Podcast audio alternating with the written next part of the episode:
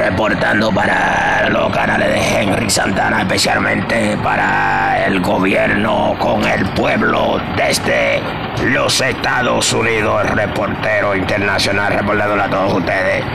Hay un pánico muy grande entre los países y las personas que se mantienen atentos, pendientes a la, la posible guerra que se pueda eh, desarrollar o que se pueda desatar.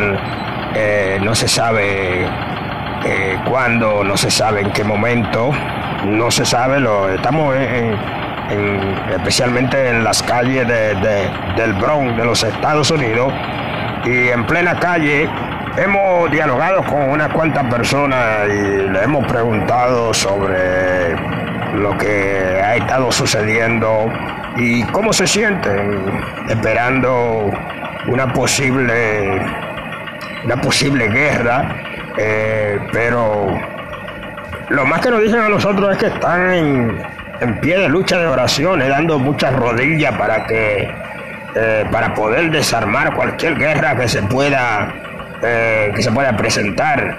Dios es el único que, que puede combatir a los hombres por medio de las oraciones.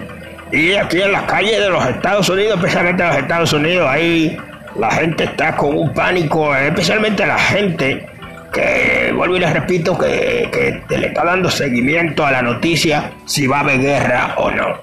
No queremos guerra, lo que queremos es paz para el gobierno con el pueblo.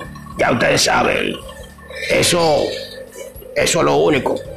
Eso es lo único que tenemos por acá, por el momento, por el momento. Eso es lo único que tenemos por el momento. Eh, inmediatamente aparezca cualquier otra noticia nueva, vamos a seguir informando por aquí, por el gobierno con el pueblo. El programa de Henry Santana en República Dominicana. Así que ya lo sabes, reportero internacional desde Manhattan, desde los Estados Unidos. Eh, Dios me lo bendiga a todos.